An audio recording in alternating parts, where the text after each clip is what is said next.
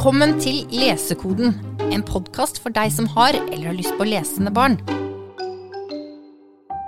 Hva kan vi lese etter Harry Potter? Har du noen gode gråtebøker? Nynorsk? Er dette fine ord? Har dere et tips til en niåring? Har dere bøker som ikke er for tjukke? Krig og sånn? Har dere noen bøker om følelse? Noen barn de leser ikke bare bøker, de sluker dem. De hiver seg over bok etter bok etter bok, og de voksne rekker knapt å skaffe en ny før den er ferdiglest. Disse barna har til slutt lest alt. Eller sånn kan det i hvert fall føles for en stakkars forelder som desperat blar i hyllene på biblioteket eller i bokhandelen for å prøve å opprettholde barnets leseglede. Støtt og stadig så havner den forelderen til slutt hos oss bibliotekarene, og da får vi spørsmålet Kan du anbefale en bok til barnet mitt på 11 som har lest absolutt alt?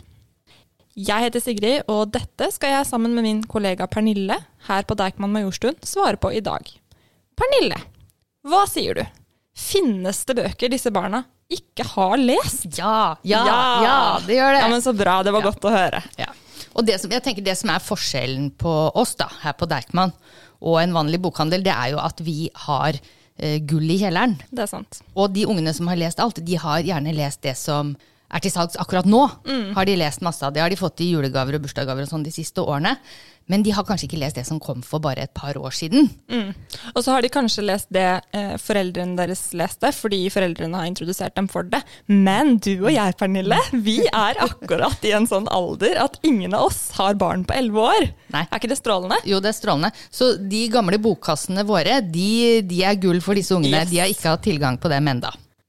Så er det en annen kategori også, med bøker som kanskje ikke disse barna har fått med seg. Og det er jo de bøkene som er nye, men som har gått litt under radaren. Som ikke fikk så mye oppmerksomhet da de kom, og som bare folk ikke har fått med seg. Og du har med et par sånne, Pernille. Ja. Den første boka jeg har med, den er skrevet av Lee Bacon. Den heter Det siste mennesket, og den kom i 2020. Det er en science fiction-roman, en framtidsdystopi. Vi er på jorda, men eh, robotene, teknologien, har overtatt makta. For menneskene har gjort i denne boka en veldig veldig dårlig jobb. De, de har ødelagt alt, så, så robotene har rett og slett utslettet menneskeheten og overtatt selv. Og de driver jorda som et mønsterbruk. De pollinerer og steller og stuller og holder alt i stand. Men etter som årene har gått, så har disse robotene faktisk også utvikla et litt guffent samfunn. De er veldig autoritære og militante, og det er en president som styrer det hele, og han fjernstyrer og overvåker de andre robotene. Men når denne boka starter, da, så er det roboten XR. Han er tolv år gammel, han holder på i drivhuset sitt og, og steller. Og så ser han noe som rører seg inni hjørnet, og han tror først det er et dyr som han må um, få ut av dette drivhuset, men det er en jente. Og det, det sparker i gang handlingen, og det, det, det blir jo det blir flukt, det blir opprør, det blir dramatikk, og det blir vennskap. Ja. Så det er en storslått uh, fortelling, rett og slett. Ja. Og det høres ut som den passer veldig godt for eh, disse barna som sluker fantasy og science fiction, og dem er det ganske mange av. Jeg har også med en fantasybok eh, som jeg tror ikke alle har fått med seg. Den var superpopulær da jeg var på den alderen selv. Jeg leste den, jeg elsket den. Det er faktisk en av veldig få bøker som jeg har grått av. Liksom hylgrini oppi senga. Og det er Philip Pullman sin trilogi 'Den mørke materien'. Og denne har jo fått eh, fornyet aktualitet fordi det lages en TV-serie på HBO nå. De to første sesongene har kommet, og så kommer sesong tre, som da er bok tre. Eh, men av en eller annen grunn, det syns jeg er litt rart, så har de på en måte ikke tatt av i bokhyllene hos oss, i hvert fall. eh. Nei, de, de er tjukke. Altså, man må ha litt pågangsmot Ja. for å sette i gang med dem. Men hvis man liker fantasy, så er jeg sikker på at eh, du vil elske den her hvis du gir den en sjanse. Eh, Det handler om Lyra, som i begynnelsen av boken er elleve år. Hun bor i Oxford, men dette her er ikke det vanlige Oxford. Dette her er en slags parallell verden, hvor det er veldig mye som er likt vår verden, men så er det noen store forskjeller. Og mest, um, den mest tydelige forskjellen umiddelbart, det er at alle mennesker har en såkalt daimon, som er et dyr som følger deg overalt. Eh, Og det dyret er på en måte altså Det er vanskelig å beskrive det helt nøyaktig, men det er på en måte slags, en slags del av deg. Man kan si at det er sjelen din, eller, men så har den samtidig en egen personlighet. Og når du er barn, så kan det dyret endre form eh, og forvandle seg til hvilket dyr det vil. Men når du kommer i puberteten, da får det fast form. Så Lyra hun er akkurat i den alderen før eh, hennes eh, daimon, Pantalaimon, eh, tar fast form. Og det er her historien begynner. Eh, og jeg husker når jeg leste den her, jeg ble bare dratt rett inn, og jeg klarte ikke å legge det fra meg. Det er en, eh, en veldig storslått og episk fortelling. Det er tre bind, det er en trilogi. Og eh, er Ja, den er bare full av dramatikk og liksom nydelige skildringer av eh, relasjoner mellom mennesker og Ja, jeg vet ikke. Det er noen av de mest sånn fantastiske fantasy-skapningene som, som dukker opp der. Jeg tenker på den bjørnen, ikke sant. Ja. Som en, Ja. Panserbjørnen. Mm. Og så har jeg lyst til å bare nevne også en bok til. Og det er en bok som ut av alle bøkene vi har med i dag, så tror jeg det er den det er minst sannsynlighet for at noen av disse barna har lest. Eh, og det er 'Kaptein Blåbjørns 13 og et halvt liv'. Jeg kom på den plutselig, den bare datt ned i hodet mitt. Og jeg bare ja, den! Åh, yes! For den er så kul. Eh, og litt annerledes. Det er en enormt tjukk bok. Den er nesten 700 sider. Så dette er for de som Det er jo noen sånne barn ikke sant, som bare vil ha sånn verdens tjukkeste bøker og bare vil ha de tjukke, tjukke bøkene.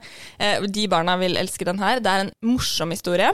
Også litt sånn smart. Eh, mye liksom smart humor, rett og slett. Eh, og det handler da om en bjørn som, og hans 13 og et halvt liv. Og, og så, den jeg har med, nå er vi fremdeles litt sånn i fantasyverdenen her. Det er en uh, bok av Susann Collins. Hun har skrevet 'Dødslekene', som uh, kanskje sikter seg inn mot litt eldre barn. Men før hun skrev 'Dødslekene', så skrev hun en serie som heter 'Gregor i Underlandet'. Og Gregor han bor i New York sammen med familien sin. Det er en mor og en surrete bestemor og noen yngre søstre. Faren hans forsvant for en del år siden, ingen vet hvor han er. Men en dag så er Gregor nede i, kjelleren på, på denne skyskraperen hvor han bor, sammen med sin minste søster. Og de holder på i vaskekjelleren der, og mens de holder på med det, så ser han plutselig at eh, lillesøsteren Boots står foran en sånn luftekanal. Og så smeller den luftekanalen opp, og så blir hun sugd inn, og han rekker bare akkurat å kaste seg etter henne og ta tak i henne. Og så blir, bare, blir de trukket inn i denne luftekanalen og nedover, nedover, nedover. Og det er et sånt Alice i Eventyrland-fall.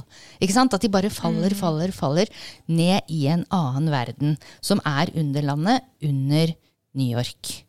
Og der er det insekter som er eh, svære som eh, kuer. Altså, det er kakerlakker, og det er eh, flaggermus som er store nok til at man kan fly på dem og bruke dem som sånn ridedyr.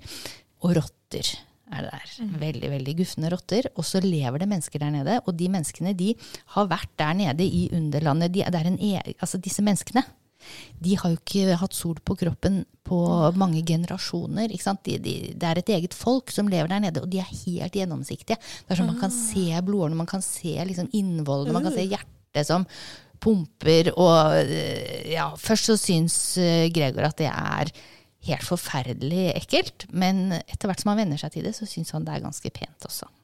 Og så, og så, så er det bare Det bare lukker seg opp en fantastisk historie. Dramatikk, vennskap, eh, i det hele tatt. Men er den, er den liksom Begynner den å bevege seg over mot på en måte grøsseland, eller er den Nei, det vil jeg ikke si, Nei. men den er spennende, og det skjer Ja. fæle ting. Men den er ikke sånn superekkel? Den er ikke superekkel, den passer for elleveåringer. Ja. Og det er noe av det som kan være litt vanskelig med de der elleveåringene som eh, har lest alt og leser alt, det er at de plutselig så har de lest ut alt som er for barn på deres egen alder, og så er det veldig fristende å kaste seg over ungdomsbøkene, men en del av innholdet i ungdomsbøkene det passer i grunnen ikke for elleveåringer. Så, no, så noe av clouet er, det er å finne bøker som matcher alderen deres, samtidig som det er noe å bite i. Og gode historier. Ja. Ja. Og alle de vi har snakket om til nå, det er jo da fantasy science fiction, som passer for typisk sånn, ikke sant, Harry Potter, Ingenlund, alle de som leser disse bøkene. Eh, men så er det jo ikke alle som liker fantasy. Du har slukelesere i andre kategorier også. Og noen de leser eh, veldig mye krim. Altså Vi har jo ikke sant, bøkene til Horst, til Rode, klassiske sånn krimfortellinger. Eh, og de blir også slukt. Og da har jeg med min favoritt. Eh, slash action slash eh, spenningsbok fra 11-12-årsalderen. Og det er eh, Anthony Horowitz sin Stormbreaker, som er første bok i en serie om Alex Ryder. Og la meg bare si det sånn at eh, jeg hadde tidenes crush på skuespilleren som spilte Alex Ryder i filmen Stormbreaker. Det skal nevnes at Stormbreaker-filmen er fryktelig dårlig, så ikke se den. Les boka isteden, for den er utrolig gøy. Og vi var en gjeng med jenter på ungdomsskolen og barneskolen som bare leste disse bøkene og bare ja, hadde nærmest en eh, Alex Ryder-klubb. Dette er litt sånn James Bond-aktig. Ja, er det ikke det? Hvis man kan tenke seg Ja. en litt sånn ung, uh, spretten James Bond. Alex han er 14 år når boka begynner, og han har også vokst opp uten foreldre. Han har eh, en onkel, han også faktisk, som han har vokst opp med. Eh, Og denne onkelen han heter Ian. Og historien den begynner ganske brått og brutalt med at Ian dør. Og Ian han eh, dør da i en bilulykke. Det er i hvert fall det Alex får beskjed om. Men så skjønner Alex ganske fort at her er det en del ting som ikke henger på greip. Og han begynner selv å gjøre litt sånn undersøkelser, og ender til slutt på den søppelfyllinga, eller den vrakfyllinga hvor bilen står. Og da ser han jo at den bilen er jo ikke vraket fra et krasj, den er full av kulehull. Og det tar ikke så veldig lang tid, og så er plutselig Alex blitt uh, tvangsrekruttert av MI6. Han er tenåringsspion, og han blir sendt rundt på oppdrag her og der. Og det er, det er ikke oppdrag som ikke er farlige, for å si det sånn. Han redder verden. ja, ja, det her er det, dette er virkelig James Bond, altså. Eh, og det er fullt med action og spenning, og også tenår, vanlig tenåringsdramatikk og, og problematikk. Altså kjærlighet og vennskap og alt det som det fører med seg. Og det er en serie som passer like godt for jenter som for gutter. Den fins faktisk også som grafisk roman. Ja, og det er ikke så lenge siden den kom. Nei, den er mye nyere. Men så har jeg med meg én spenningsbok til. Men nå er vi litt over i et annet landskap. Vi er over i grøsselandskap. For det er også noen som bare vil ha skumle bøker. Eh, og dette er en, enda en av mine favoritter. Og det er eh, grøsserne, men ikke den vanlige grøsserne. Nemlig grøssernes mysterier. Fordi hvis du ikke kjenner til Grøssernes mysterier, så lytt godt nå. For dette er en serie som har et helt fantastisk konsept, eh, som jeg ikke har vært borti i andre bøker. Jeg finnes, vet det finnes noen få, men, men det er ikke veldig mange som er sånn. Og det er rett og slett en interaktiv leseopplevelse, hvor du leser boka, og så på slutten av hver side så får du beskjed om hvor du skal hoppe videre i boka. Noen, Men du kan velge ikke sant? Ikke hvis alltid. du vil at det ene ene skal skje eller det andre skal skje. Er det ikke sånn? Ikke alltid. Du, nei, det, det, er sånn, det er aldri to sider etter hverandre du skal lese. Så du blir, måtte, du blir sendt hit og dit, rundt omkring på kryss og tvers, og så på noen av sidene så får du spørsmål. Og da kan det være f.eks.: Hvis du åpner kassen eh, merket Den gode ridder, blar du til side 33. Eller hvis du åpner kassen merket Den onde ridder, så blar du til side 49. Ikke sant? Og derfor så får du masse forskjellige muligheter i boka, og det fins mange, mange forskjellige slutter. Noen ganger så går det rett vest, og noen ganger så ender det godt. Det bytter på. Altså, jeg hatet grøssere. Jeg syntes det var dritskummelt. Jeg, jeg likte ikke skumle bøker. Jeg var sånn skikkelig sånn pingle, sånn masse mareritt og sånn.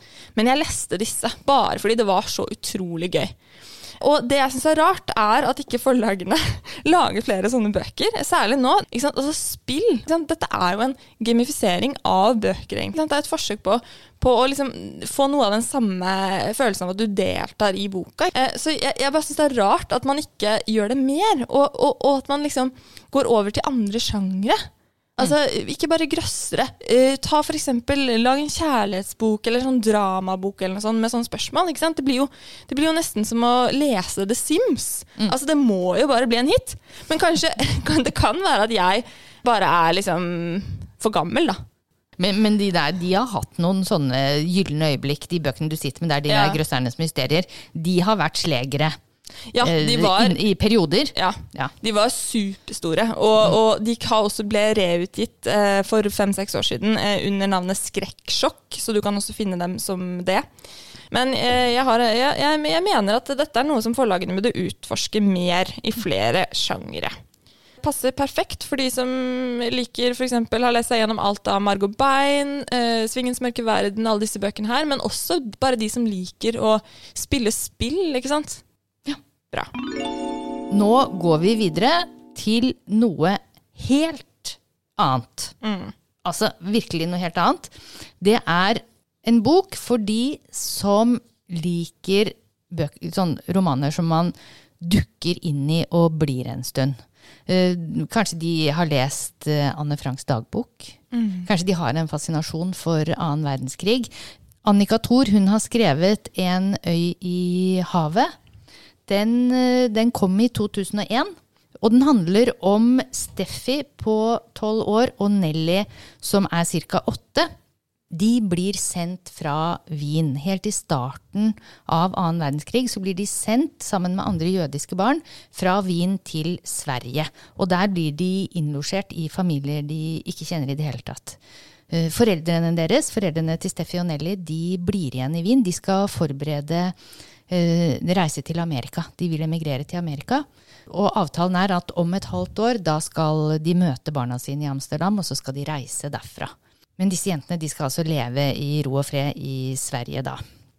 De kommer til Gøteborg, og så blir de sendt videre med båt ut på en øy i skjærgården utenfor Göteborg, og så blir de innkvartert i hver sin familie. De har hele tiden trodd at de skal få bo sammen, men det får de ikke. De blir plassert i hver sin familie på en øy, og Nelly hun kommer til snille, gode Alma som er blid og glad og har yngre barn som eh, Nelly kan leke med, mens Steffi hun blir plassert hos Märtha, som er stram og streng og taus. Og de kan jo ikke samme språk, eh, men Martha hun har tydeligvis veldig veldig dårlig råd. De mm, spiser bare fisk til middag, og Steffi føler seg fullstendig bortkommen.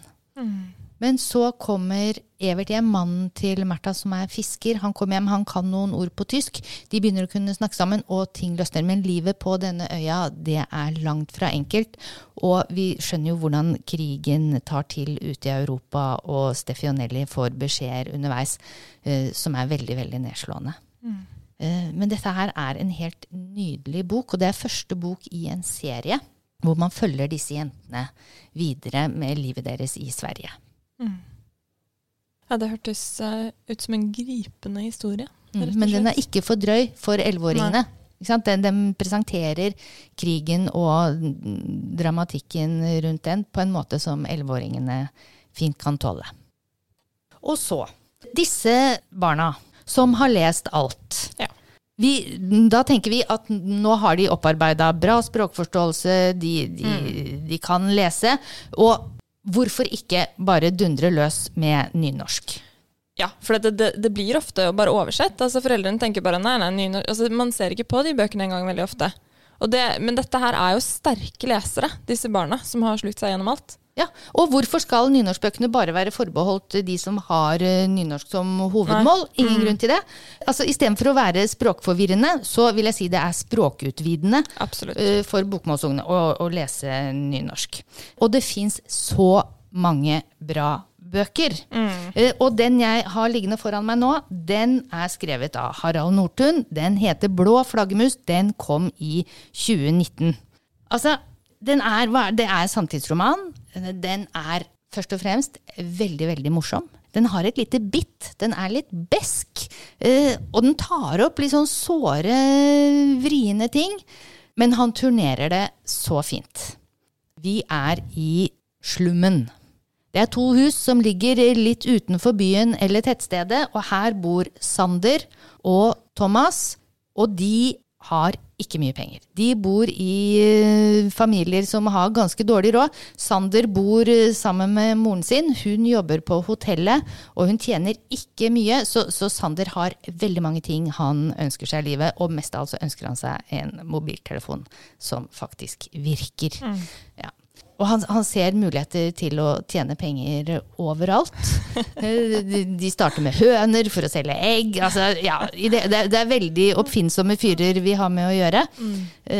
Men det som virkelig formørker Sanders liv, det er den mannen som prøver å bli kjæreste med mora hans. Og det vil Sander virkelig ikke, for eh, denne personen er en sånn fyr som utgir seg for å være snill, men Sander vet at han er ikke det. Eh, Så dette her, det, det, det, det byr på vill komikk og store dyp. Det er en fin kombinasjon. Ja. Over til igjen da, noe helt annet. Eh, litt særegen stil, eh, vil jeg si, er bøkene til Maria Gripe. Og det er jo Det har jo blitt klassikere, kan man si. De kom vel på 80-tallet, tror jeg. Ja, Den her tror jeg kom på slutten av 80-tallet. Eh, og det er Agnes Cecilia, en selsom historie. Eh, Som er Altså hennes stil da, i egentlig alle bøkene til Maria Gripe, er jo at det er en realisme, men det er en, en sånn mystisk, eh, magisk realisme. Det er ofte litt sånn overnaturlige elementer, litt sånn følelse av at det er et eller annet i lufta. ikke sant? Det er veldig, veldig stemningsfullt. Og det er også Agnes Cecilia. Som handler om Nora, og Nora, i likhet med alle de andre bøkene om Drenn jeg har snakket om i dag, har ikke foreldre. Et gjennomgangstema i barnelitteraturen. Hennes foreldre døde i en ulykke da hun var barn, og hun har vokst opp hos sin tante og hennes familie. Og de har ganske nylig flyttet til et eh, gammelt eh, hus. Og så har det begynt å skje eh, rare, mystiske ting. Nora hun hører at det går noen rundt omkring i huset når hun er alene hjemme. Som tasser over gulvet, og som kommer mot hennes eh, dør. Og så stopper dem på terskelen rett utafor. Og så har hun også hele tiden en følelse av at det er noen som, som ser på henne. Det er et eller annet der. Eh, og i tillegg da, så begynner det å komme liksom, noen sånne rare, uforklarlige telefonoppringninger som hun ikke klarer å forstå. Da. Og hun skjønner at her er det noen som kanskje prøver å ta kontakt med henne. Det er en veldig tankefull bok. Um, mystisk. Det er jo noe litt sånn gammelmodig, syns jeg, over bøkene til Maria Gripe, men, men de holder seg likevel veldig godt. Det er veldig, veldig spennende, og det er veldig vakkert fortalt. Og jeg tenker at dette er jo bøker som, som passer for de leserne som, som både liker litt sånn overnaturlige ting, men også de som bare liker litt sånn hemmeligheter og familieforhold og litt sånn. For det er jo det, er jo det som er eh, i kjernen her, ikke sant. At det er ting som har blitt holdt skjult, og som gradvis avdekkes. Så Hemmeligheter er jo noe av det beste. det er veldig, veldig spennende. Så, og det som er kult, da, oppdaget jeg når jeg leste meg litt opp igjen på den her, er at eh, den, faktisk satt, den blir satt opp på Nationaltheatret nå. Så den kommer eh, på Nationaltheatret denne våren. 2022. Oi, det visste jeg ikke. Ja. Ah, Så den må vi se, Den- Pernille. ja. Ja, Det er jeg veldig spent på hvordan de løser. Du har én bok igjen, du, ja, Pernille. én bok igjen.